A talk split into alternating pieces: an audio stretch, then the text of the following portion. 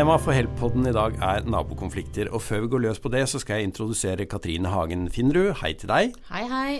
Erfaren advokat i Help, eh, som sammen med meg, Dag Are Børresen, skal prøve å si noe eh, fornuftig om nabokonflikter, og hvordan eh, advokatene, da, for det er det vi har grunnlag for å si noe om, angriper nabokonflikter. Men aller først så skal vi la en jeg traff på gaten, sette an tonen. Altså Nabokonflikter. Er, nå er det siste jeg leste, hadde vel sånn trehogst å gjøre. At noen har hogget et tre, og så hadde de ikke hogget et tre. Og så stenger de for utsikten, og så stenger de ikke for utsikten. Og så ødelegger denne flotte naturen. Så jeg tror det handler mye om eh, egentlig kanskje om andre ting enn det som det egentlig handler om. da, Altså de mellommenneskelige relasjonene. Hvis, det, hvis, man på en måte hadde kom, snakket om at man egentlig vil hverandre vel og, og, skal få til noe bra, så hadde man fått til det. Men i stedet så snakker man om det treet som blir, som blir hogd ned, og som da man tar fullst, så går man til retten og betaler masse, bruker masse tid og penger. Hvorfor blir det sånn, tror du? Det eskalerer veldig fort. Det er vel sånn som i konflikter, andre typer konflikter også, at det ene tar det andre også. Det ene tar det andre, ja. Kjenner du deg igjen i det, Katrine? At uh, det baller på seg fort når man først har begynt å krangle? Ja, det er veldig typisk. Eh, veldig ofte så er det jo en forhistorie når klienten kommer til oss. Eh, hvis det er to stykker som krangler om enten det er utsikt eller trær, så er det ofte ikke første gangen de er uenige om noe. Eh, og veldig mange av disse uenighetene kunne nok blitt løst hvis man tok en prat med naboen først. Og det det handler om, er jo at man har ulike interesser. Og så er det da vernet om egne interesser og egne behov som da blir så sterkt at man krangler med naboen. Og hvis man greier å se det fra den andre siden, og se at også naboen har en interesse, og at man kanskje må tilpasse seg litt på begge sider, så vil jo mange av disse problemene kanskje kunne unngås. Hvorfor er det så vanskelig å ta den praten over hekken da, tror du? Nei, si det. Det lurer jeg på, jeg også. Altså, noen er nok litt sjenerte og syns at det er litt vanskelig. Noen syns at det er konfliktsky og syns at det er vanskelig å ta opp negative ting eller ting de ikke liker hos naboen. Uh, og noen tenker rett og slett ikke på det. Mm. Men um, kan vi si at det alltid er en god idé å snakke direkte med den det gjelder, før man ringer advokat? Du må gjerne ringe advokat og snakke med advokat, men det vi anbefaler, er jo at hvis de ikke allerede har snakket med naboen, så tar de førstehenvendelsen. Og gjerne kanskje andre og tredje også selv først er veldig sjelden vi anbefaler å gå rett på advokat. Og det som skjer da, er jo at da går jo begge parter i hver sin skyttergrav. Mm. Og så er muligheten til å nå en løsning som begge er fornøyd med, den blir mindre. Mm. Og i tillegg så blir jo naboskapet ganske dårlig. Ja, og selv om du rådfører deg med advokat, så er det kanskje ikke så lurt å fortelle det heller, sånn innledningsvis. Men det kan være greit å vite hvor man står. Det kan jo være et godt råd. Ja, ofte så handler det jo Noen, noen tar jo kontakt med oss for å bruke oss som et våpen, nærmest. Mens mm. andre tar kontakt for å få litt gode råd om hvordan de bør håndtere den situasjonen. Og jeg er i hvert fall ganske tydelig på det at i disse sakene her så handler det ikke Altså jussen er på en måte siste halmstrå, da. Der, eh, na, godt naboskap handler jo vel så mye om folkeskikk og kommunikasjon som det handler om juss. Mm. Før vi går videre nå, Katrine, så skal vi høre hva en av de jeg traff på gaten eh, tror er de vanligste nabokonfliktene. Nei, det er grenser og trær. Har du vært i nabokonflikter selv? Ikke personlig, men det, i det sameiet som jeg bor i, så er det noen nabokonflikter. Hva er det de krangler om, da? Nei, De krangler om trær, bl.a.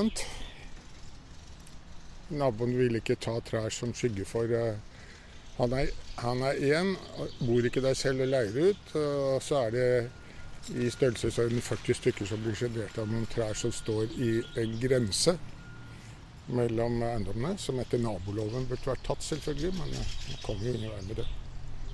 Har du noe sympati med noen av dem, da? Jeg har sympati for de som uh, mister uh, unødvendig sol. Det gamle mennesker som har vanskelig for å komme seg ut, som kunne nyte sol fra terrassen sin og sånn. Mens uh, han som ikke vil ta trær, han, han har egentlig ingen skikkelig grunn til å ikke ta de. Han bor jo ikke der og bare leier ut. og blir ikke sjenert hvis de trærne blir tatt. Det vi hørte nå, Katrine, det kunne ha vært en uh, helt uh, reell sak som uh, vi hadde fått inn hos oss. hvordan angriper man en sånn sak når noen er uenige om noen trær som skygger for sola? Ja, det handler om å ta en skikkelig prat med klienten som tar kontakt. veldig ofte så går jeg inn på kart kart og ser på disse eiendommene og ser hvordan de ligger. Eh, veldig ofte så får vi Enten så drar vi ut og ser på dette, eller så i hvert fall får vi inn bilder. Og så må vi begynne å grave litt, da. Finne ut litt forhistorikk. Er det noe annet som er årsaken til dette? Har de tatt opp dette med naboen? Hvor lenge har problemet pågått? Hvor omfattende er dette problemet? Og veldig ofte så blir jo ting Når man begynner å se på det, så blir jo det nyansert litt, da. Altså her er det et spørsmål tar all sol, og da blir jo neste spørsmål hvor da? Hvor på eiendommen er det solen blir borte? Når blir solen borte? Fins det andre steder å sitte? Uh, hvor lenge? Har de sol der i det hele tatt fra før av? Uh, denne type spørsmål. Her var det jo et eksempel hvor han mente at det var gamle mennesker, og de måtte kunne sitte ute. Uh, mens naboen bodde der ikke lenger. Han leide ut. Men det betyr jo ikke at de som leier, ikke har et, en interesse av f.eks. å skjerme for sjenerende innsyn. Syns det er fint med natur på tomten. Så det er mange hensyn som kan drukne litt i en klients perspektiv. For klienten vil naturligvis se saken fra sin side og belyse sine interesser. Men i en nabosak så må man belyse begge sider, for det er det loven legger opp til at man skal gjøre. Mm. Nå er du i full gang med det som er advokatjobben, å se hvilke argumenter som taler for klientens sak, og hvilke som taler mot klientens sak, og hvilke som veier tyngst. Og eh, Det er ganske lett å ha sympati for disse gamle som han nevnte her, som kanskje ikke kommer seg så lett ut på annet vis, og som da blir sittende i skygge på verandaen sin pga. disse høye trærne eh, som skygger for sola. Den type argumenter om at jeg får skygge på verandaen min og jeg er dårlig til beins, eh, hvor tungt veier de? Ja, De veier nok en del, eh, men her er det de ulike interessene som må summeres opp på hver side. Og så må de måles litt mot hverandre. Eh, naboloven den setter jo opp eh, ulike kriterier, og de kriteriene de er så vage formulert, eller generelt formulert, at de skal passe i mange ulike situasjoner. Og Dermed så må man gå konkret til verks i hver enkelt sak, og få ned på bordet hva er det som er ulempen, eller hva er det som er skade? I hvilket omfang er det? Har du noen andre alternativer? Er dette en konsekvens ved at eiendommen er sånn? Eller er det unødvendig at det er blitt sånn? F.eks. bor du i en skråning eh, hvor du har høyere terreng bak deg, og dette er mot sydvest, så vil du naturligvis ikke få så veldig mye sol på eiendommen din. Men da kan det ha en ganske stor konsekvens at den lille solen du får, blir tatt bort fra deg. Har du sol hele dagen, så må du kanskje tåle å miste sol noen steder på eiendommen, selv om du har hatt det før. Mm, så det er helt konkrete vurderinger konkrete i hver enkelt sak? Hver enkelt sak så må man konkret vurdere dette, og det kan, det kan bety at en eiendom Eh, må tåle å miste sol, mens en annen ikke behøver å tåle det. Mm. Eh, og F.eks. så kan det jo være at eh, en er så heldig at han har flere uteplasser, og hvis han beholder da ettermiddagssolen på én uteplass, så, er det kanskje ikke, så, så, kan han kanskje ikke forlange å ha det på den andre uteplassen også. Nettopp. Nettopp. Det er akkurat sånne typer vurderinger man må ta. Jeg hadde en sak for eh, ikke så lenge siden hvor all sol ble borte på den eneste uteplassen på eiendommen.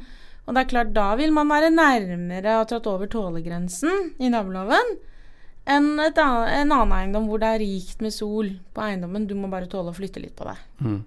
Naboloven nevnte du, den skal vi komme inn på om ikke så veldig lenge. Men eh, før vi gjør det, så har jeg lyst til å stille deg spørsmål om eh, altså når man, når man, leser i avisene f.eks. om eh, nabokonflikter, så er det ganske kreativ argumentasjon, eh, legger jeg merke til, som en del bruker jeg har lest om at uh, noen, om det var furuer eller bjørketrær i en eller annen bydel her i Oslo skulle bidra til artsmangfoldet på stedet f.eks., og jeg har sett argumenter for å beholde trær, at de, altså de sørger for fotosyntese osv. osv. Er det noen grenser for hvilke argumenter som kan være relevante i en nabosak?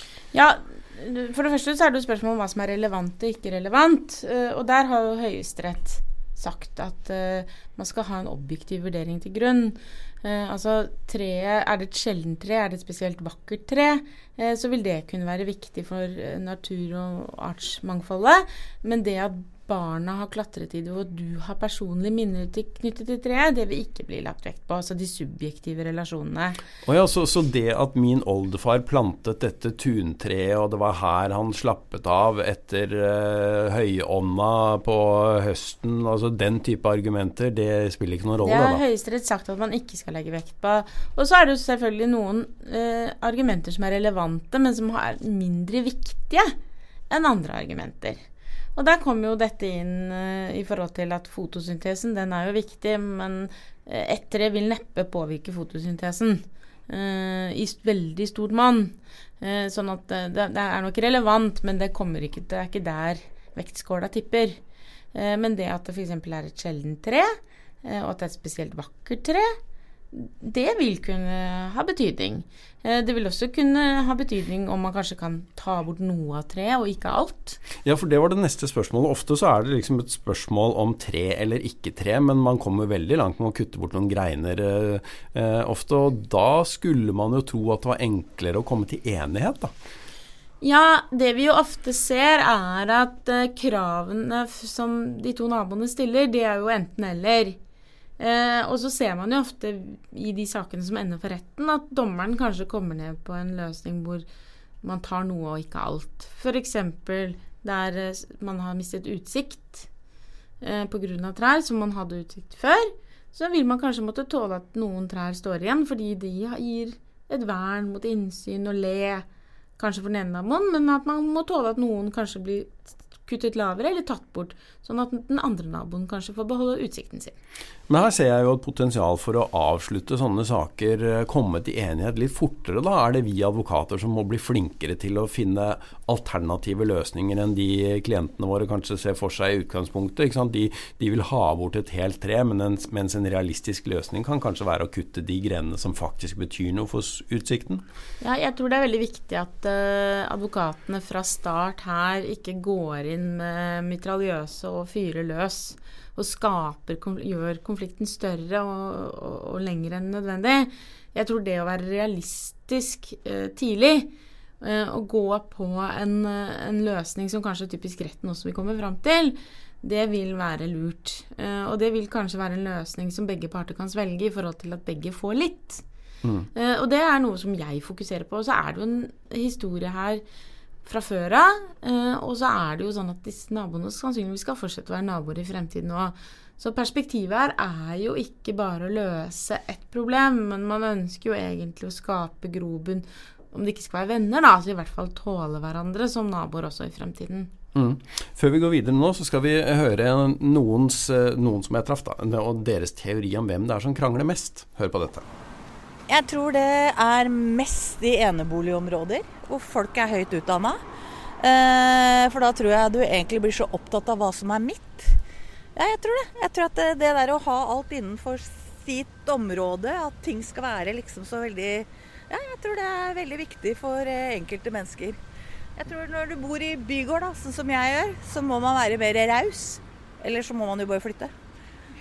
Ja. Blir det ikke krangling i bygården da? Hvorfor tror du det har med utdanning å gjøre? Eh, jo, jeg tror at jo høyere utdanna du er, eh, jo mer krav stiller du til ting. Eh, så jeg tror at de kan bli mer kravstore. Særlig hvis sånn Oslo Vest advokater de har liksom alt på stell. Da skal de ha det akkurat sånn som de vil ha det. Så jeg tror det kan gi mye nabokonflikter. Ja, det er de som bor i enebolig og har høyest utdannelse som krangler mest, uh, var hennes teori, Katrine.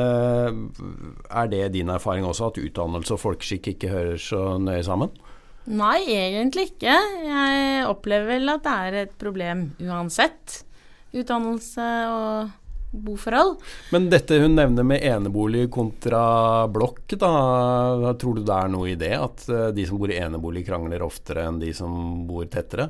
Nei, jeg tror egentlig ikke det. Eh, men jeg tror det kanskje er litt mer synlig i media, eh, og kanskje også i rettssalen. Eh, og en av grunnene til det tror jeg er at i, i blokk eller boliger hvor flere bor sammen, så har man eh, organer som ivaretar eller håndterer dette. Og det er der også mange av sakene blir lagt døde eller løst. Det er fryktelig mange generalforsamlinger eller årsmøter i sameier hvor det er høy temperatur. Masse uenighet mellom naboer som bor i fellesoppganger. eh, som styret må håndtere, og som blir håndtert. Eh, men det kommer kanskje ikke videre. Ehm, og det har jo noe med at terskelen for å ta dette til retten, den blir litt lenger, og man har en mulighet til å løse det tidligere i da bofellesskapets egne organer. Den, den, det alternativet har jo ikke folk som bor i hus på eget gårds- og bruksnummer. De har ikke noe sted å gå, de har ikke noen andre arenaer å ta opp dette på, og må ta det opp med naboen. Og hvis man da ikke greier det, så blir jo den eneste løsningen i rettssalen.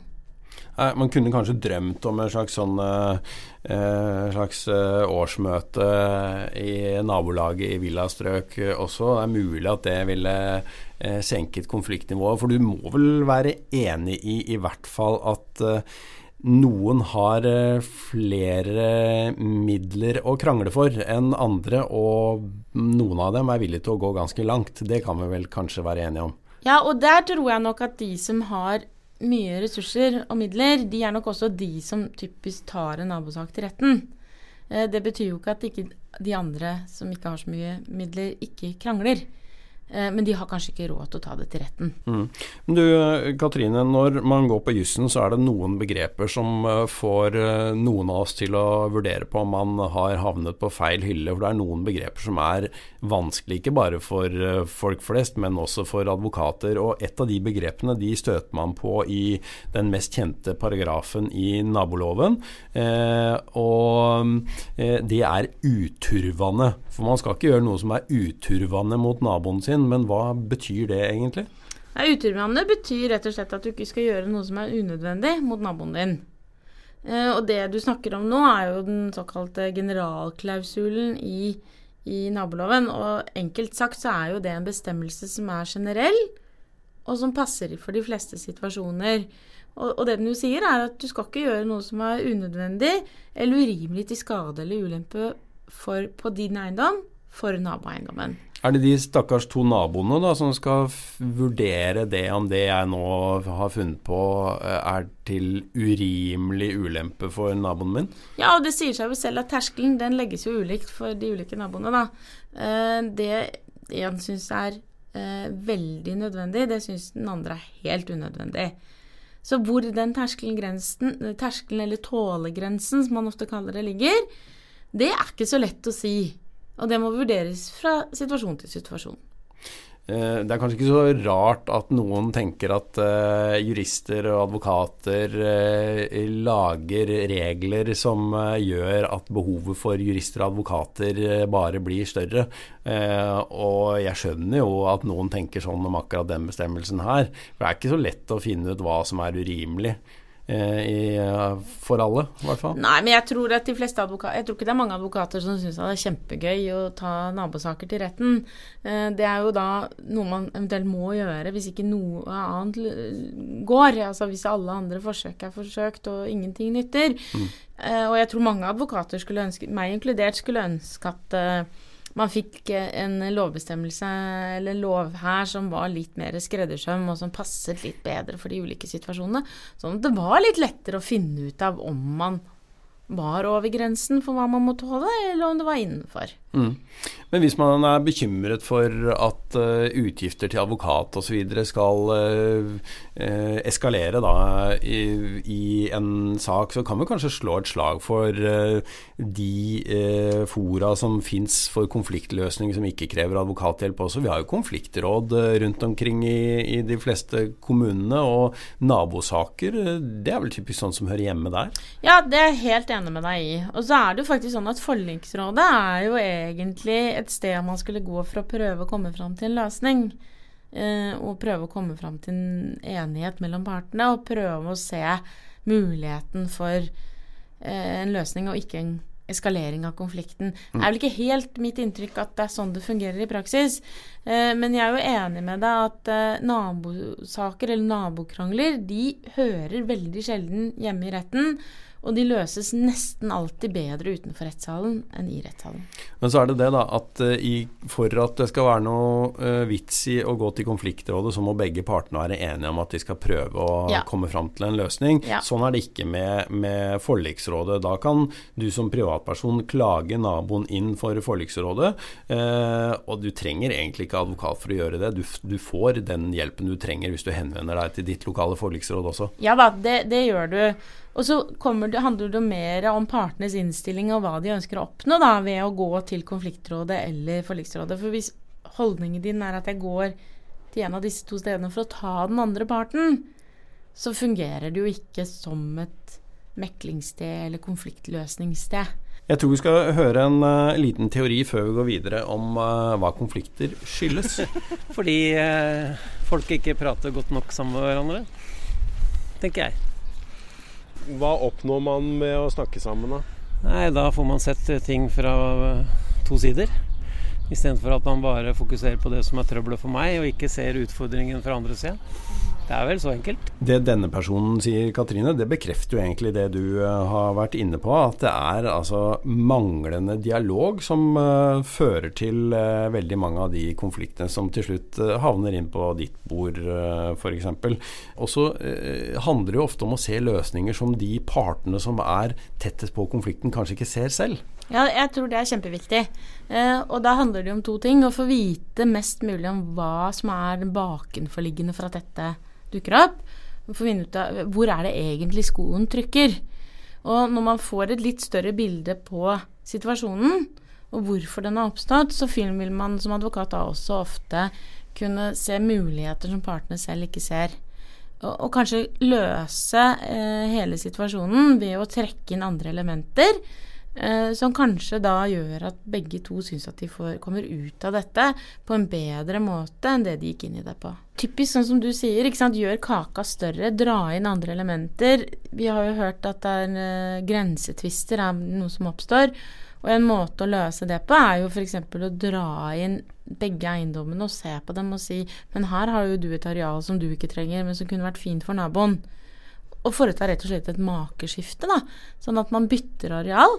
Sånn at begge to får da fra den andre parten i likt monn, men som vil gi bedre bruk eller utnytting der hvor det kommer, istedenfor der det var. Og Siden du nevner makeskifte, da, så får man hjelp eh, hos kommunen for å få gjennomført det. Det er kanskje ikke så vanskelig som det kan høres ut? Det er også noe man kan få gjort hos jordskifteretten, uh, uten at man nødvendigvis behøver å gå i en rettstvist og krangle så busta fyker. Mm. Jeg tror, eh, Katrine, at uh, dette er en liten forsmak på naboretten. Og så skal vi avslutte med et lite visdomsord fra enda en av de jeg traff på gata. Altså, det går jo an å prøve å finne felles løsninger istedenfor å begynne å krangle. Det var veldig godt sagt, men hvordan skal vi få til det, da? Kanskje være mer åpen og stille spørsmål.